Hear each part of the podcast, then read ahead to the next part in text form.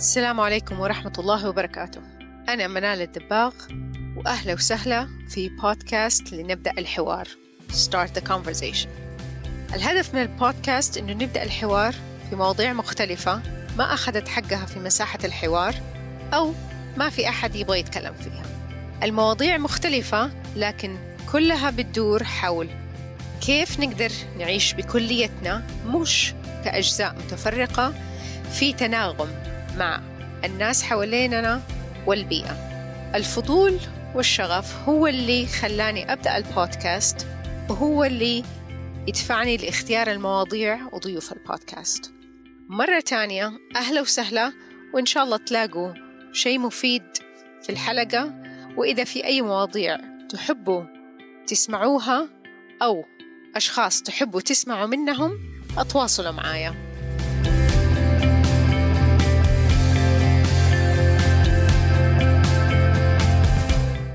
السلام عليكم ورحمة الله وبركاته. أهلا وسهلا في حلقة جديدة من بودكاست لنبدأ الحوار.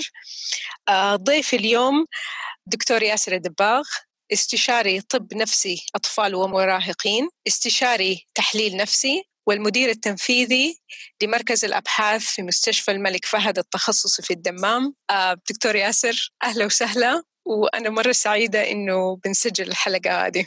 أهلا وسهلا فيك منال آه، وشكرا على استضافتي. إحنا بنسجل الحلقة هذه اليوم 8 رمضان. بس علشان الحلقة لما سنة وأنت تنزل طيبة. وأنت طيب بألف صحة وسلامة. يمكن حتنزل بعد أسبوعين. وما أعرف من دحين لغاية كمان أسبوعين إيش المستجدات اللي حتصير.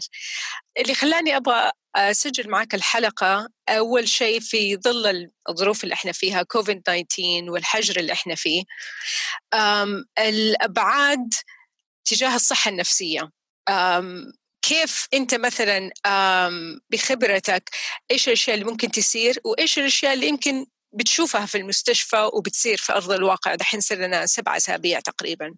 طيب آه بسم الله الرحمن الرحيم والصلاة والسلام على رسول الله. ال- الحقيقة يعني آه، أزمة ال- الجائحة بتظهر أمور كثيرة جدا يمكن ما كانت آه، واضحة آه، لدى الناس. آم، أعداد المصابين وأعداد اللي حالتهم خطيرة واللي آه، وأعداد الوفيات محدودة لأنه بفضل من الله حصل تدخل مبكر ويعني استطعنا أن نحد إلى حد ما من صعوبة المشكلة آه، إلى هذا التاريخ. ولكن الإجراءات الاحترازية اللي طبقت لها أثر على المجتمع لها أثر على الاقتصاد لها أثر على الأفراد على الأسر على جهات العمل آه، توقفت المدارس. الناس اللي عندهم أمراض مزمنة آه، يمكن يترددوا أنهم يروحوا المستشفى يحضروا مواعيدهم. في كثير مواعيد ألغيت في مواعيد صارت بالتليفون أو بزوم زي زي كده أو في خدمات توقفت تماما. وكذلك في ضغط اقتصادي على الأسر. في ناس آه، يعني أجورهم يومية أو أسبوعية أو بحسب ال- الخدمة المقدمة. وبالتالي تأثر آه، عملهم كثير وتأثر دخلهم. ال- الضغط النفسي اللي عايشين فيه عالي جدا. تواجد أفراد الأسرة في نفس المكان من غير خروج من غير آه، تغيير جو من غير نشاط. وإذا في أطفال مع احتواء النشاط حق الأطفال والملل اللي بيحدث و و إلى آخره. أم، هذه كلها بتغير تماما في طبيعة الحياة الاجتماعية اللي بنعيشها. آه، مستوى الضغط اللي بيمر فيه الناس يعني جودة الحياة مم. فلذلك على الرغم من إنه الأعداد آه، آه، المصابة بالفيروس محدودة والاستنفار الكبير على آه، نطاق البلد بالنسبة لمنع الجائحة من الانتشار بشكل سريع كان في محله لكن الأثر الأكبر للجائحة الآن هو أثر نفسي واجتماعي والأثر كبير في ظل إنه من بين الخدمات اللي تعطلت من بين الخدمات اللي صار صعب الوصول لها آه، الخدمات النفسية آه، الخدمات الاجتماعية. وهي في الأساس كان في فجوة كبيرة بين حاجة المجتمع وبين الخدمات المقدمة. صحيح يعني بدأنا نشتغل عليها في البلد وإن شاء الله يعني متجهين آه، في ظل رؤية 2030 إنه نغطي هذه الفجوة. لكن الفجوة يعني ابتداء كانت كبيرة وأضيف لها التغيير اللي حصل في القدرة على الوصول للخدمات أو الرغبة عند الناس لأنهم يصلوا للخدمات. لأنهم خايفين يروحوا المستشفيات أو إن المستشفيات تفضل إنهم ما يجوا أو إنه الخدمات توقفت. أضيف إلى كده عندك كمثال في مناطق في الشرقية عندنا محافظة القطيف بكاملها في بعض الأحياء في بعض المدن. آه، الأخرى أقفلت تماما آه، في ناس آه، جلسوا فترات من الزمن في يعني المحجر المحاجر الصحية الكورنتينز ناس اضطروا إنهم يمتنعوا عن السفر وأعمالهم في سفر أو محتاجين لسفر أو إنه انعزلوا عن أسرهم بسبب منع السفر. يعني تخيلي مثلا أم راجعة من البحرين لازم تدخل في محجر صحي وأولادها في القطيف ما تقدر توصلهم. في في حكاوي من هذه من هذا القبيل يعني أو الناس اللي جو من سفر من من الخارج أو اللي كان في رحلة عمل داخل المملكة وما يقدر يرجع لأهله. كثير قصص من هذا النوع وكان لها أثر كبير. في فئات آه، تعرضها للضغط آه، صعب عليهم من الأساس. اللي عندهم أمراض مزمنه اللي عندهم أمراض نفسية سابقة. الأطفال ذوي الاحتياجات الخاصة. لكن فوق هذا كله القطاع اللي بيعمل في آه، الصحة. يعني أنت عندك فقط في وزارة الصحة وهي وزارة الصحة تقريبا 60% من القطاع الصحي في السعودية. فقط وزارة الصحة في حوالي ربع مليون شخص. وهدول منهم كثير بيشتغلوا في الصفوف الأولى.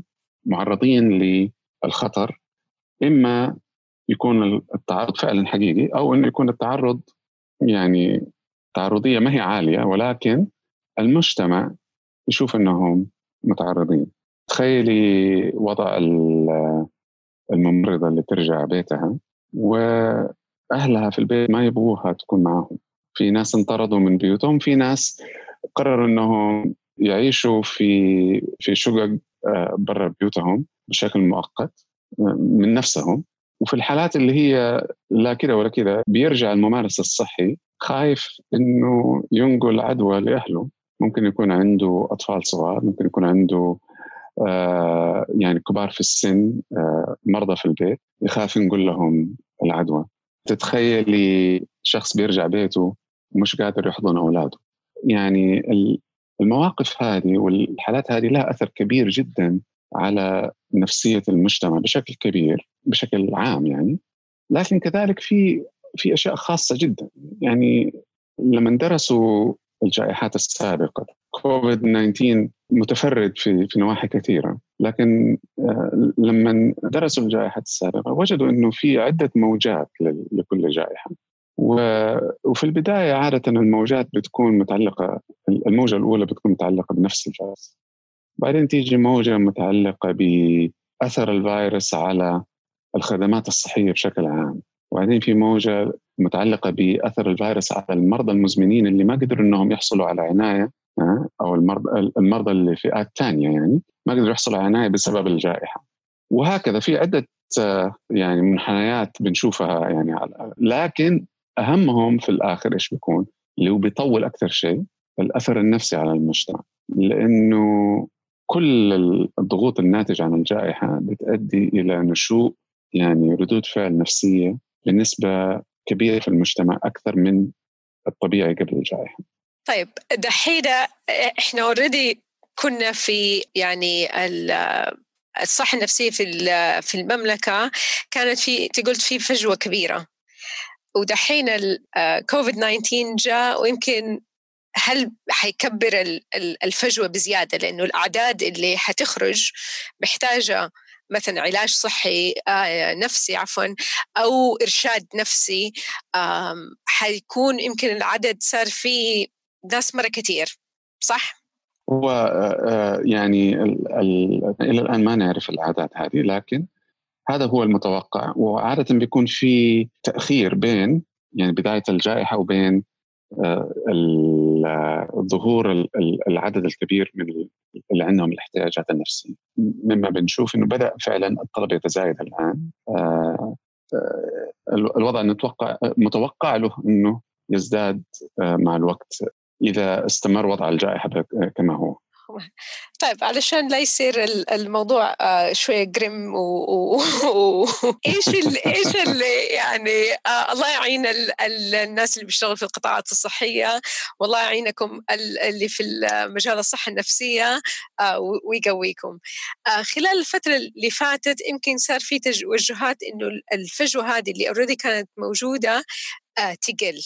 ويمكن صارت في يعني أشياء و initiatives وإنه تقفل الفجوة هذه. هل في دحين وفي الجائحة هذه هل في كمان تركيز بزيادة إنه متوقع إنه الطلب ولا الاحتياج بالأصح للدعم النفسي حيصير؟ فهل في إجراءات كمان موازية ليها قدر الإمكان إنه مثلا آه، تخلي التسهيلات أكثر للناس المحتاجين. آه، طبعا يمكن ما أدري العدد المختصين ما حيقدر يزيد في خلال كم شهر أكيد.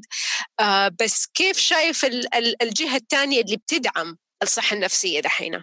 الحقيقة في كثير مبادرات يعني بدأت تطلع. الآن في مبادرات على مستوى محلي في كل مدينة في كل كل مستشفى يحاول إنه ما أقدر أقول كلهم بس كثير من المستشفيات كثير من القطاعات الصحية بتحاول إنها آه، تسوي شيء.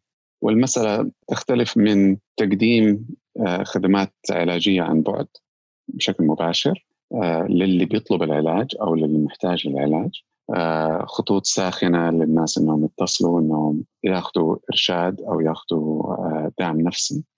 إلى إنه يكون في آه، بشكل ممنهج على نطاق واسع تقديم خدمة للمحتاجين. مثلا بالنسبة للممارسين الصحيين لأن هم تقريبا أكبر فئة معرضة للضغوط النفسية حاليا آه، بالذات في هذه المرحلة من الجائحة. هيئة التخصصات آه، أوجدت برنامج اسمه داعم. الآن بيقدم يعني خدمات واستشارات نفسية بالهاتف لكل الممارسين في السعودية.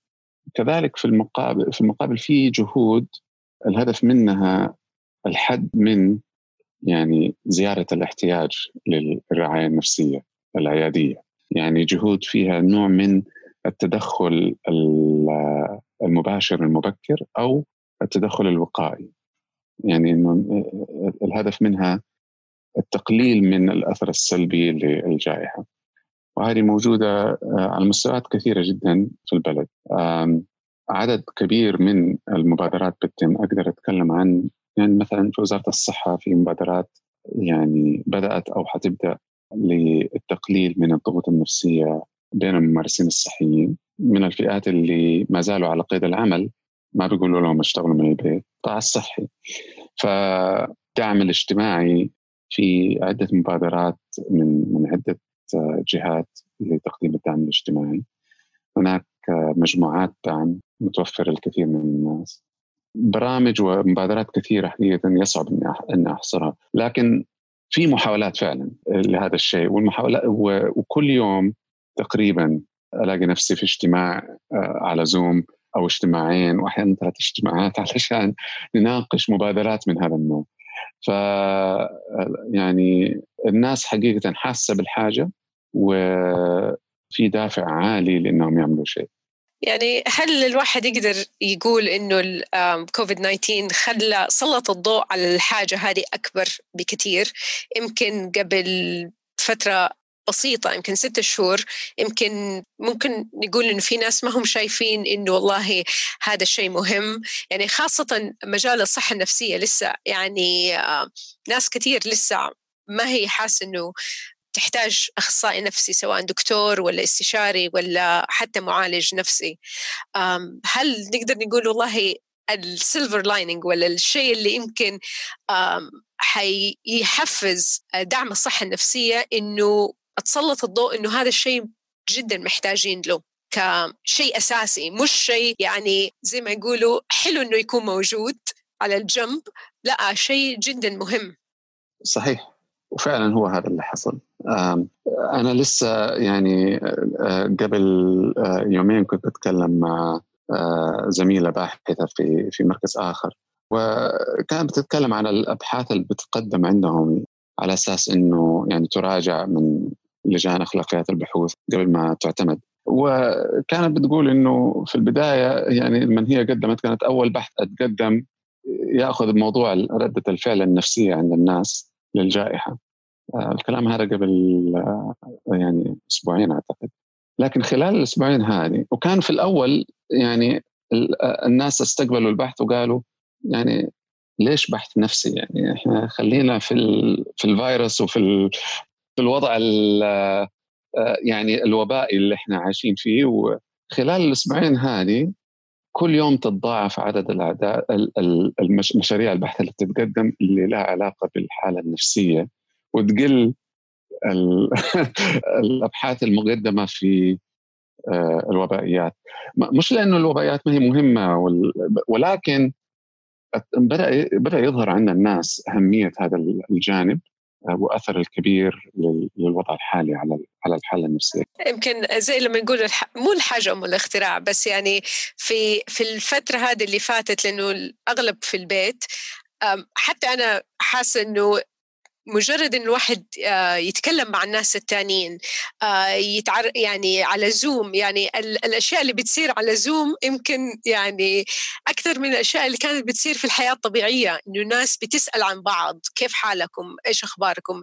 الحاجة اللي هي للتواصل الإنساني البشري آه، زادت كثير وصارت جدا مهمة. ف إن شاء الله يكون في يعني تسليط الضوء إنه هذا الشيء جدا مهم. إنه يعني الصحه النفسيه طبعا يعني لسه كيف بتشوف نظرة المجتمع؟ خلينا نقول قبل كوفيد لأن دحين الموضوع الحياة اختلفت تماما. كيف كانت نظرة المجتمع بالنسبة للصحة النفسية؟ يعني هل لسه في تردد ولا يعني إنه الناس ما تبغى تعترف حتى إنه في مشكلة نفسية ولا تحتاج لدعم نفسي؟ يعني كيف شفت نظرة المجتمع بالنسبة للصحة النفسية في آخر كم سنة؟ يعني آه، الحقيقة إحنا مجتمعنا وكل مجتمعات العالم آه، في وصمة اجتماعية مرتبطة بأي شيء له علاقة بالصحة النفسية. الأمراض النفسية بشكل عام آه، موصومة والحصول على على يعني خدمات في الصحة النفسية موصوم العمل في في قطاع الصحة النفسية موصوم فالشيء هذا يعني عالمي ما هو شيء خاص بالسعودية. الانطباعات الموجودة عندنا بسبب درجة من الضعف في الثقافة العامة في جانب الصحة النفسية إنه الوصمة عندنا أعلى من غيرنا. هو في الحقيقة كان ربما كان هذا الكلام صحيح في السابق. آه الوصمة عندنا قد ما تكون حاليا أكثر بشكل ملحوظ من الوصمة في آه، آه، المتقدمة آه، ولكن اللي حاصل إنه مرتبطه الوصمة كذلك بصعوبة الحصول على خدمة جيدة وسهولة الوصول إليها في كل مكان. الخدمات مش موجودة في كل مكان ولأنه الخدمات الموجودة يعني مستوى جودتها في درجة عالية من ما هي نفس الشيء في كل مكان. آه، في خدمات جيدة وفي خدمات منخفضة الجودة. ولأن العاملين في المجال يعتبروا سلعة نادرة. اللي حصل إنه يعني الفرق بين العرض والطلب كبير. فمن بين النظريات الموجودة إنه هذا قلل شوية من الأثر السلبي للوصمة. في واقع الأمر نجد كثير من الناس إنهم يلجأوا يعني المساعدة الذاتية الدورات آه، المقرئين آه، وأحيانا تدخلات آه، ما هي يمكن نقدر نسميها شعوذة أو أنه يلجأوا إلى ممارسين صحيين خارج القطاع الصحي النفسي قبل ما يلجأوا إلى الصحة النفسية. وبالتالي بيوصلوا إلى الصحة النفسية خدمات الصحة النفسية متأخر إلى حد ما. وجزء من السبب هنا مش بس الوصمة جزء من السبب يعني صعوبة الوصول أحيانا للخدمة في بعض الأحيان بيكون إنه الجودة حق الخدمة ما هي كويسة متوفرة لهم. لكن الوصمة فعلا موجودة ولها أثر والأثر آه، مهم جدا. مؤثر حتى بين العاملين في القطاع النفسي. هم أعضاء من المجتمع اللي عنده الوصمة هذه فأكيد هم نفسهم عندهم برضو الوصمة هذه. قبل ما نبدأ نسجل طرقت لموضوع ال psychoanalysis في السعودية اللي هو الطب التحليلي النفسي التحليلي. ترجمة كده صح؟ التحليل النفسي. التحليل النفسي. طبعا يمكن يكون سؤال مرة beginner بس علشان اللي حتى اللي, اللي بيسمعوا يمكن ما يكون عندهم فكرة إيش ال psychoanalysis وإيش يفرق عن البقية. تعريف جدا بسيط على ال على ال psychoanalysis وإيش يفرق عن مثلا السايكولوجي الأنواع الثانية؟ طيب هو يعني ال psychoanalysis هو أو التحليل النفسي هو أول آه، نوع ممنهج ومعتمد على أساس من النظرية والتطبيق من العلاج النفسي بالكلام. هذا بدأ من يعني أكثر شوية من 120 سنة. و فهو نوع من العلاج النفسي بالكلام نوع آه، مكثف جدا من العلاج النفسي بالكلام. وقتها كان يعتبر ثورة في مجال آه، علم النفس والطب النفسي. من وقتها إلى الآن آه، نشأت عدة مدارس للعلاج النفسي كثير منها مشتقة من التحليل النفسي وكثير منها مختلف تماما عن التحليل النفسي. فأصبح الآن في عدد كبير من أنواع العلاج النفسي وتختلف في العمق اللي تشتغل فيه مدة العلاج كثافة العلاج صعوبة التدريب في في المجال كلها يعني لكل نوع منها يعني ميزات وعيوب آه، مختلفة عن الأنواع الأخرى. فالتحليل النفسي يعني آه، متفرد عنهم أنه يحتاج إلى تدريب شاق وطويل جدا يبدأ بعد الحصول على أعلى الدرجات الأكاديمية. التدريب يبدأ بعد الحصول على أعلى الدرجات الأكاديمية يستمر بحد أدنى أربعة أو خمسة سنين قد يطول وبيكون مكثف بيكون عدة جلسات أسبوعيا لفترات طويلة لسنوات. وبيكون الهدف منه مختلف شوية عن العلاج النفسي العادي اللي هو قصير الأمد. العلاجات القصيرة الأمد عادة بيكون في لها هدف محدد إنه أنا جاي باضطراب معين أو بأعراض معينة وبدي إني أتخلص منها أو أقلل منها. آه، في التحليل النفسي طبعا ممكن الواحد يحقق هذه الأهداف ولكن في النهاية هي رحلة طويلة من استكشاف الذات وبتؤدي إلى آه، يعني آه، إلى إعادة تشكيل الذات إلى حد ما. بيكون الشخصية بيحدث فيها تغييرات جذرية. مع مرور الوقت. والآن في السعودية في يعني في المملكة أنت لأنه بدأت تتكلم إنه الفيلد أو مجال التحليل النفسي تبغى ولا تتطلع إنه يتطور. فإيش هو الآن؟ وإيش التطلعات اللي تتمنى إنها تسير؟ التحليل النفسي حاليا في خمسة محللين سعوديين. وفي مجموعة من اللي تمرنوا آه، أو حصلوا على شيء من التدريب في العلاج التحليلي أو العلاجات المشتقة من العلاج التحليلي. فلذلك يعني العدد محدود ولكن متزايد واللي واضح لنا إنه في نهم للمجال في رغبة كبيرة في المجتمع آه، لهذا النوع من العلاج لأنه بيتفرد بأنه. بي... بيدخل إلى العمق بيبحث عن المعنى وهذه من الأمور اللي هي ناقصة عندنا في المجتمع.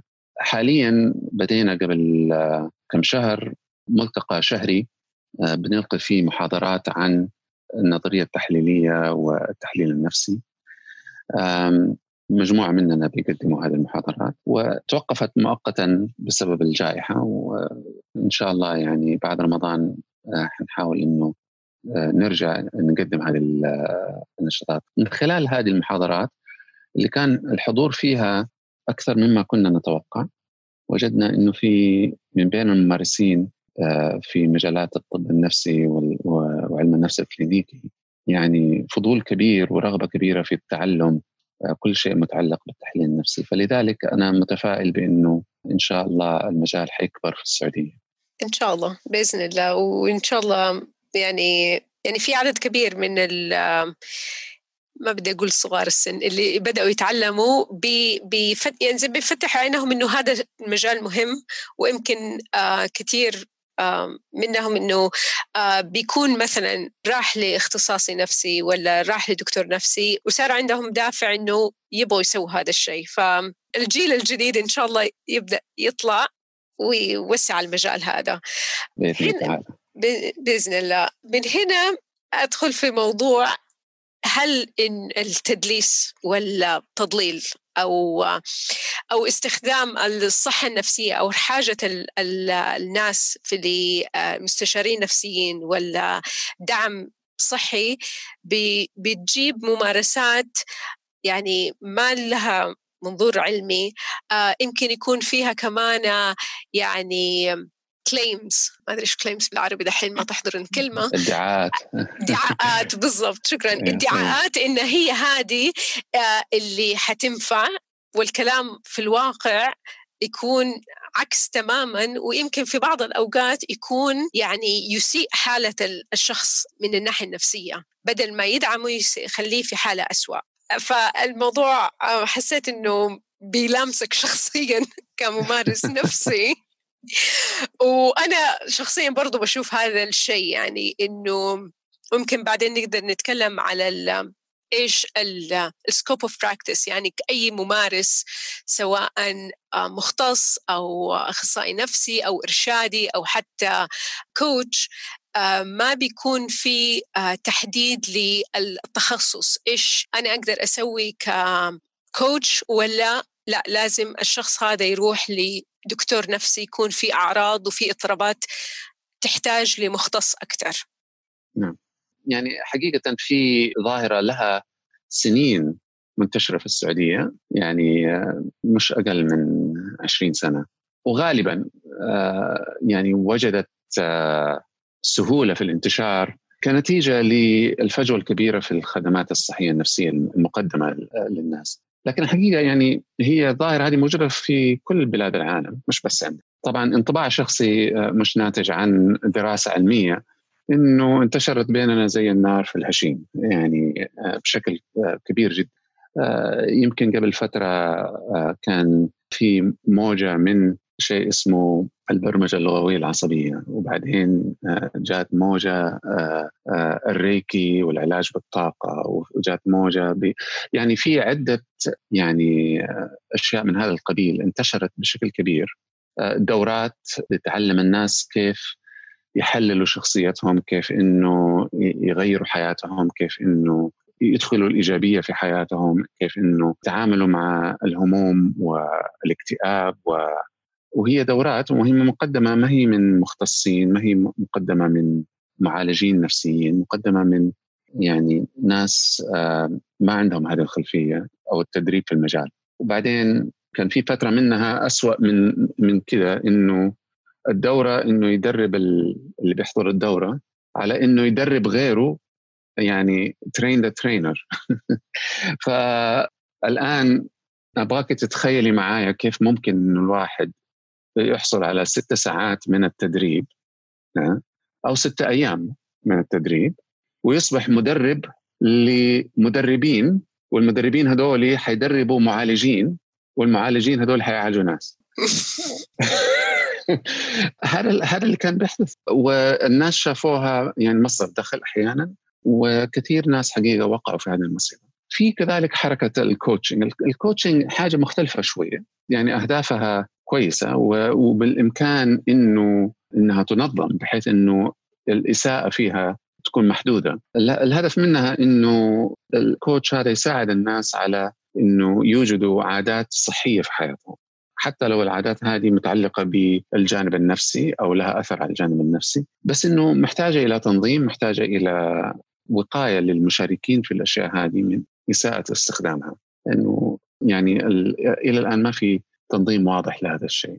من الجانب الآخر يعني في كذلك الناس اللي بيقدموا تدخلات فيها نوع من الشعوذة أو الربط المباشر أو غير مباشر بالعلاج الروحاني. كذلك توجد من بينهم من يسيء استخدام هذه الخدمات ويقدمها بطريقة غير مسؤولة. يعني الجميع عنده الحق إنه يذهب إلى مقرئ يقرأ عليه إذا يبغى. إنه يلجأ إلى الأمور اللي هي ثابتة في آه، السنة النبوية ولكن إنه اللي بيقدم هذه الخدمة لابد إنه يكون عارف آه، حدود الخدمة هذه ويعرف متى الشخص اللي جاي بيتفادى الحصول على خدمة طبية أو خدمة متخصصة ويوجهه لهذا الاتجاه لأنه آه، سواء القراءة أو الأمور الثابتة في السنة النبوية لا تغني عن المختص في المجال.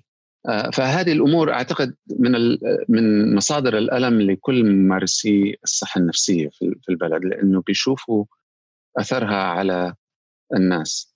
أقل أنواع الأثر السلبي لها هو تأخير الحصول على الخدمة الصحيحة. الآن أنا لما أنتظر إلى أن يتفاقم المرض عندي علشان أحصل على العلاج بسبب إني أنا ضيعت وقتي وفلوسي في أمور ما كان ممكن إنها تؤدي إلى النتيجة الصحيحة. آه، هذه لها أثر سلبي كبير جدا على حياة الفرد، على حياة أسرته، على آه، عمله، على دراسته، على صحته البدنية بالإضافة إلى الصحة النفسية. فهذا أقل الأثار السلبية. ف لكن الحمد لله يعني في بدايات لوعي أكبر في هذا المجال وبدأوا الناس يسألوا أكثر بدأوا الناس إنهم أعتقد مع وجود وسائل آه، التواصل الاجتماعي والإنترنت وزيادة آه، محاولات الجهود التوعوية من من المختصين أنا شايف إنه في بدايات لإنه الناس آه، يعني توعى لهذه الأمور. في إن شاء الله شوية بس لسه يعني في يمكن مجموعة من المجتمع ممكن تاخذ بكلام شخص عنده عشرين ألف فولور أكثر من أخصائي نفسي ولا مستشار ولا ولا حتى يعني psychologist فهي أكثر من من جهة. أول شيء الممارس لأي شيء إنه يعرف والله إيش أنا أقدر أسوي إيش ما أقدر أسوي.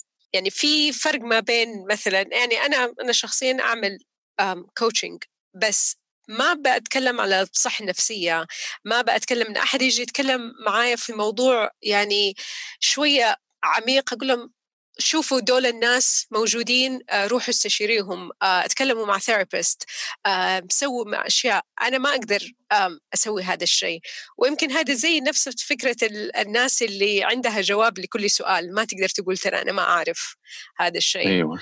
وكمان الناس اللي بيحاولوا يعني يلاقوا وسيلة للمساعدة إنهم يعرفوا هم بيتكلموا مع مين. يعني إيش الخلفيتهم فين درسوا إيش هذه الأشياء. هذه هذه أنا مستغربة إنه في ناس ما حتى بيكون عندهم ال background حقهم ما بيحطوا هم إيش الدورات اللي أخذوها ولا دراستهم ولا خلفيتهم بس لمجرد عندهم بيقولوا كلام حلو ومريح وعندهم followers كثير الناس بيدفعوا لهم وبيعملوا لهم استشارات والله أعلم إيش النتيجة منها. آه، فهذا الموضوع برضو يعني آه، كبير ويمكن كل أحد أخصائي نفسي تكلمت معه في هذا الموضوع ولا أتكلم فيه بيعانوا من من هذه الشغلة. فإن شاء الله مع زيادة الوعي وزيادة الأخصائيين يصير في تفرقة ما بين العلاج وما بين الأشياء اللي والله زي ال yoga class أنا حروح وأحس إني أنا مرتاحة مع نفسي وهذا شيء كويس يكملوا بعض. How do you see yoga في ال equation حق الصحة النفسية؟ يعني اليوغا is two things uh, one part يعني جزء منه ممارسة جسدية رياضية لها أثر كبير على الصحة البدنية للشخص. والجزء الثاني نوع من التأمل أو الإيعاء ال mindfulness اللي بيتم. طبعا واضح من الدراسات إنه سواء الرياضة الممنهجة أو ال mindfulness الإيعاء الناس يسموه تأمل الحضور آه، التيقظ الذهني. أنا أوجدت تسمية أنا بقترحها يعني غير يمكن ما يوافق عليها اسمها الإيعاء. بس إنه في دراسات كويسة على الأمور هذه إنها مفيدة فعلا. إنه هذه من العادات المفيدة للصحة النفسية آه، بشكل عام. الرياضة بشكل عام مفيدة للصحة النفسية كذلك. الممارسين اليوغا اللي هم فعلا يعني متمرسين فيها حيقولوا لك إنه مجهود مش بسيط ابدا. وبالتالي يعني يقع ضمن هذه الفئة. في ناس بيعترضوا على اليوغا آه، لما يدخل الجانب الروحاني آه، في طبيعة الإيعاء أو التيقظ العقلي اللي بيحدث فيه. طبعا هذا الشيء اختياري. الإنسان ممكن إنه يختار إنه ما يعمل الشيء إنه يدخل هذا الجانب. بس إن ما أنا ما أعرف أحد بيدعي إنه اليوغا علاج لاضطراب معين. آه، أو إنه اليوغا تستخدم في العلاج النفسي أو أو شيء من هذا القبيل. لكن هل هو هل هي عادة صحية كويسة؟ أنا ما عندي أي اعتراض عليها. وفي أدلة وبراهين بحثية تؤيد ذلك.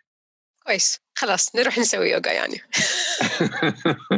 آه، السؤال اللي كمان يعني آه، عندي فضول فيه لأنه دائما الفكرة على الصحة النفسية وبالذات الدكاترة الصحة النفسية إنه طبعا يمكن أكيد يمكن تكون فكرة خاطئة بس هي منتشرة إنه مثلا دائما في اتجاه للأدوية ودائما في اتجاه لأشياء بتعامل الشخص كأنه شخص مثلا مريض ويحتاج له علاج.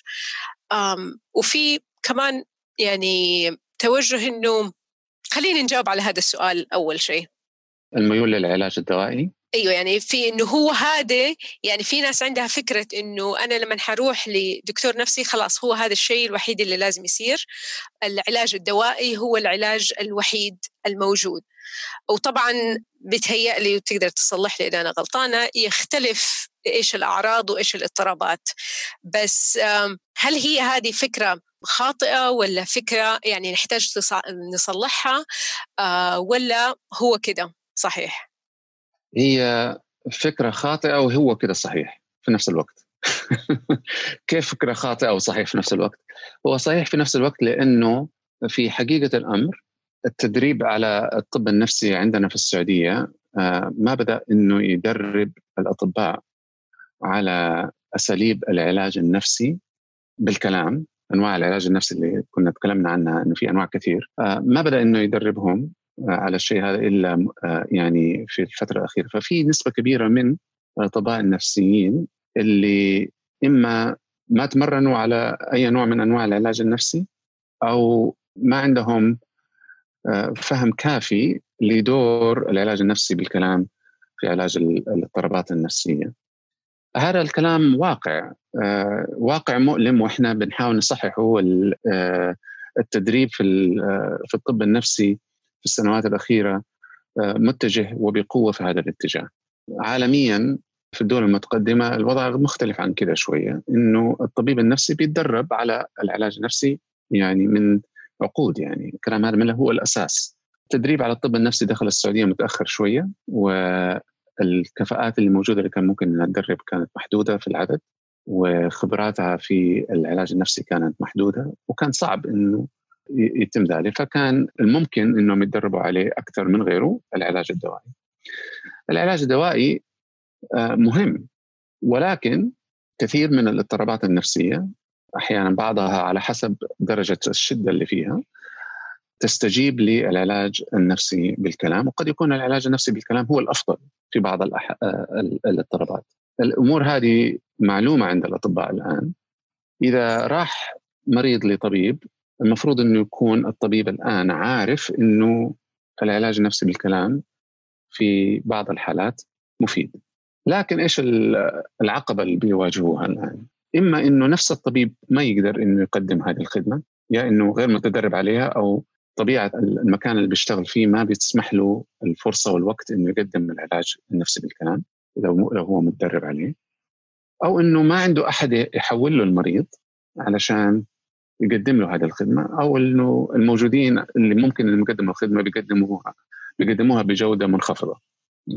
وهذه حقيقة موجودة الآن إنه حجم الفجوة في العلاج النفسي بالكلام أكبر من حجم الفجوة في الطب النفسي بكثير.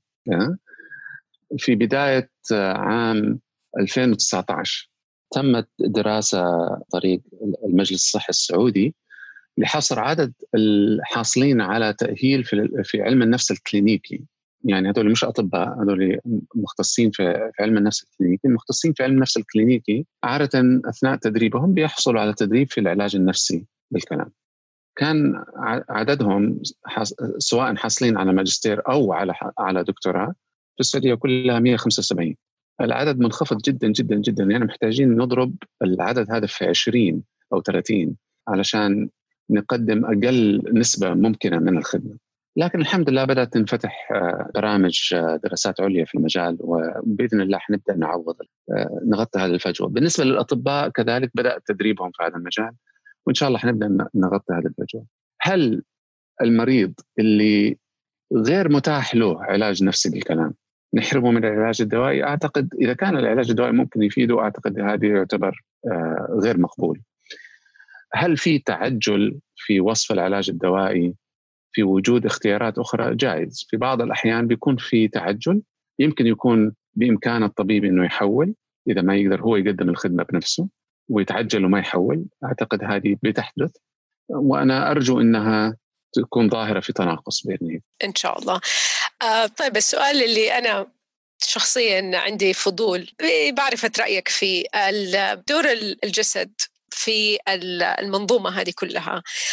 وفي وإيش رأيك على ال dance movement therapy وفي بعض الأحيان تكون dance movement psychotherapy اللي هي استخدام غير الكلام الحركة عموما في العلاج النفسي.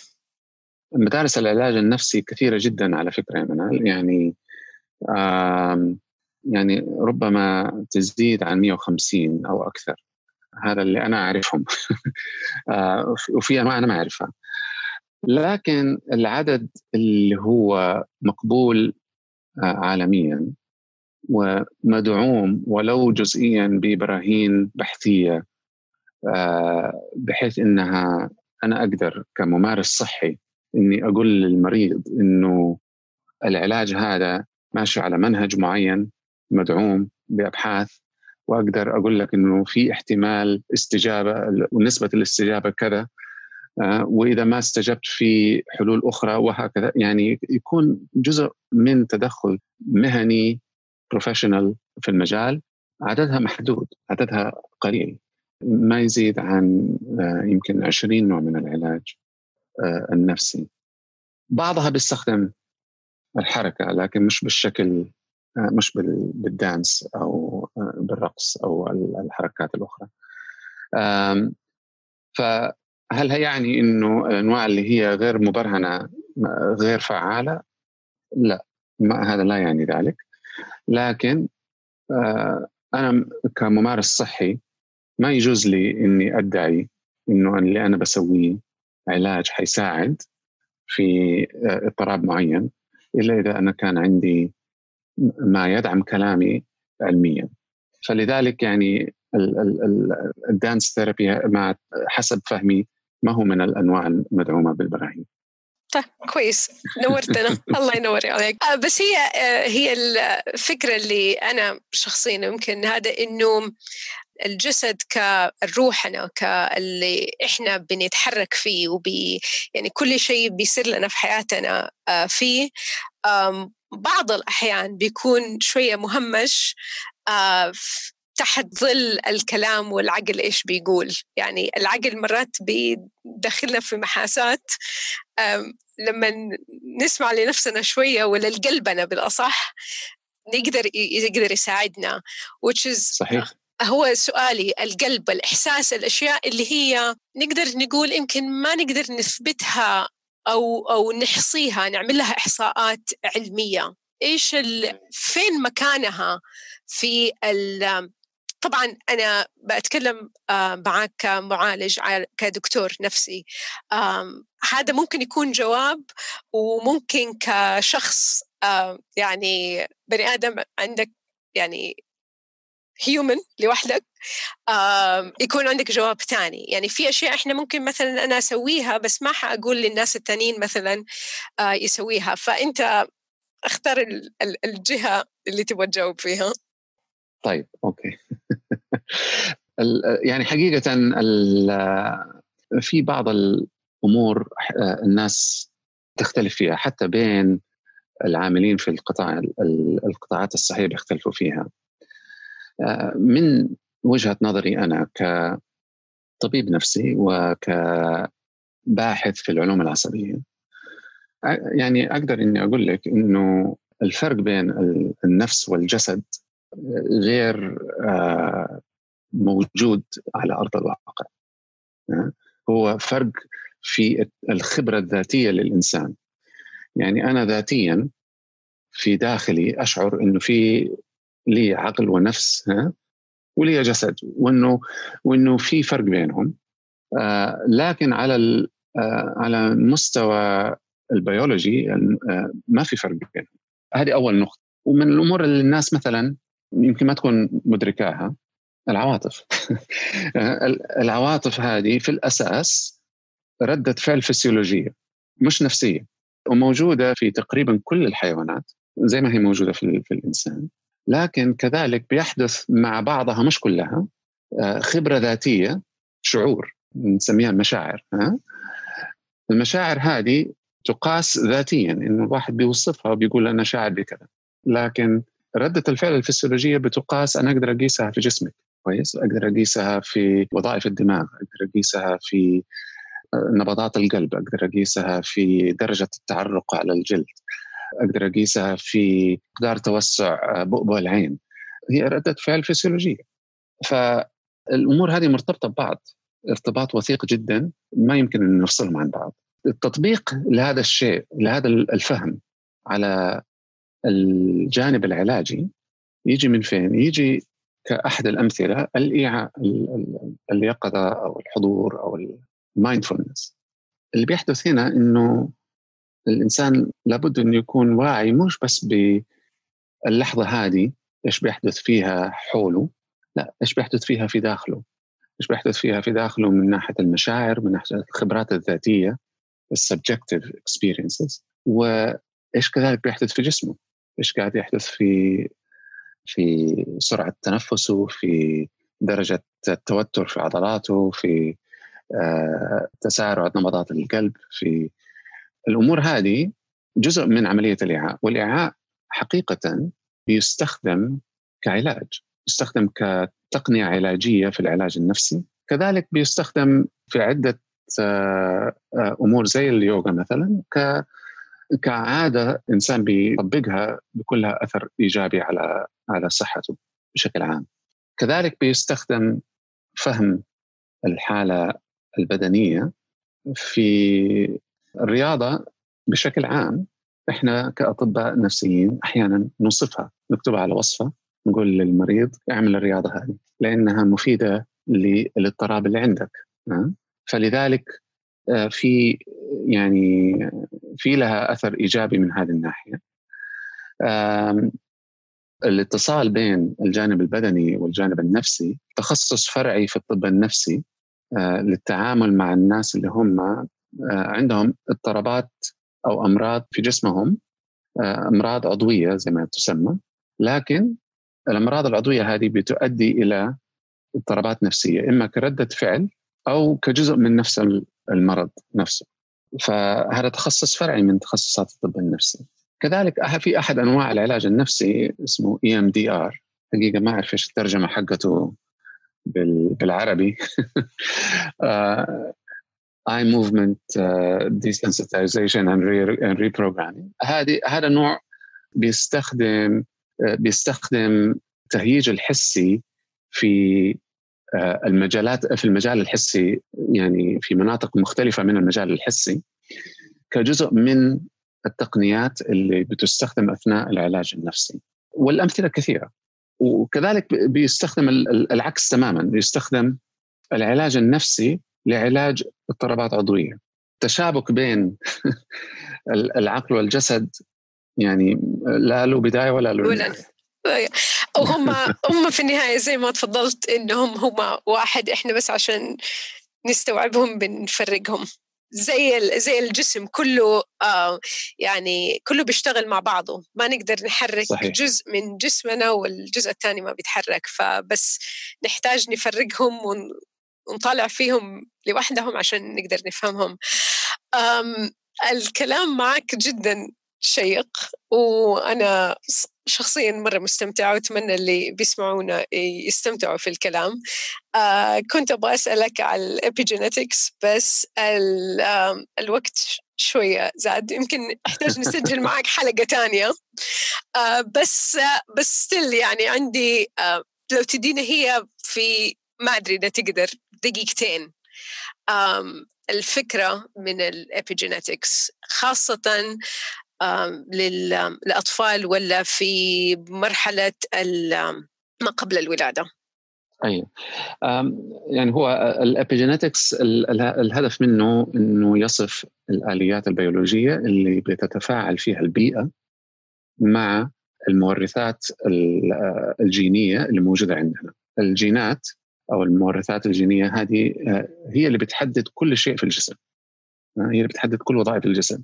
لكنها ما بتشتغل كده لوحدها آه، بتتفاعل مع بعضها وهذا مهم جدا حتى في عملية التفاعل مع البيئة واحيانا يكون في جزء من دور البيئة آه، أثر البيئة على الجينات آه، بيكون في يعني استخدام لآليات بيولوجية محددة تعطل من أو تزيد من قابلية الخلايا إنها تقرأ بعض هذه الجينات وتترجمها إلى مخرجات تؤدي إلى نتيجة معينة في وظيفة هذه الخلايا.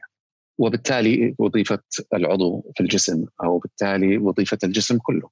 يعني من بين الأساليب هذه أساليب بتنحط تحت مسمى epigenetics. كل خلية في في جسم الأنثى فيها نسختين من كروموزوم X. نسخة منهم معطلة. كيف معطلة؟ معطلة بنفس الأساليب حقت ال epigenetics يعني ال epigenetic mechanisms هذه بتعطل الكروموزوم كله ف وتخلي واحد شغال اكتشفوا إنه في بعض هذه الأساليب بتشتغل بتفاعل مع البيئة إنها تعطل بعض الوظائف الجينية أو تؤدي إلى تغيير في بعض الوظائف الجينية وهذا قد يتأثر بشكل يعني قد يعني القابليه لحدوث هذا الشيء أعلى في بدايات تخلق الإنسان أثناء تخلق الجنين في الرحم وفي السنين الأولى من عمر الإنسان لكنها موجودة طول العمر لكن بسبب القابلية العالية جدا أثناء الحمل العوامل البيئية اللي بيتعرض لها الجنين أثناء الحمل ممكن يكون لها أثر على نماء الطفل بعدين بما في ذلك أثر على النماء العقلي سواء الميول لاضطرابات نفسيه أو القدرات الذهنية، قدرات التعلم آه، وإلى آخره. فمن الناحية النظرية الأشياء هذه ممكنة، إلى الآن إحنا ما عندنا ما يكفي من الأبحاث اللي تورينا إلى أي درجة العوامل الفوق جينية هذه ابيجينيتك فوق جينية لها أثر كبير على يعني في بعض الدراسات وبعض الأمور وصلنا لها لسه ما وصلنا لأشياء كثير. وما أوتينا من العلم إلا قليلا. يمكن إن شاء الله الله يفتح عليكم كلكم اللي بتشتغلوا في مجال الأبحاث وتخلونا نعرف أكثر عن كيف ربنا خلقنا. As simple as this. يعني الموضوع interesting وكيف دائما لأنه في دائما في سؤال ما بين الطبع والطبيعة يعني اللي هي الجينات والطبيعة دائما في اللي هي nature ولا nurture. الأشياء هذه دائما في تساؤلات عليها فيمكن نقدر نعرف أكثر عنها في في الأيام الجاية. دكتور ياسر مرة شكرا على العفو. الحديث. آه، آخر عندك شيء آخر تبغى تقوله من أي شيء من الكلام اللي تكلمنا فيه أو إيش أنت تطلعاتك في بالنسبة للصحة النفسية؟ أنا أول شيء أبغى أشكرك يا منال على استضافتي والحقيقة أنا سعيد جدا بأنه يعني قدرنا نسجل هذه الحلقة. الشيء اللي أنا بدي يعني أقوله للناس الآن في ظل الأزمة اللي إحنا بنمر فيها جملة قالها يعني أحد كبار المحللين النفسيين اللي أنا أدين له بفضل كبير حقيقة الدكتور سلمان أخطر في في أمريكا. قال استرخي ارتاح واسمح لنفسك إنك تقلق لأنه القلق في هذه في هذه الفترة شيء طبيعي ولا تلوم نفسك عليه. حاول إنك تتعايش معه. إذا بدأ إنه يعطل حياتك بدأ إنه يأثر على على صحتك على علاقاتك على عملك على على شيء من هذا القبيل وقتها ممكن إنه تشوف إيش ممكن إنه تسوي عشان تقلل من هذا القلق لكن حاليا اسمح لنفسك فرصة القلق لأنه قلق طبيعي. شكرا جزيلا. ما أقدر أقول ولا شيء بعد هذه.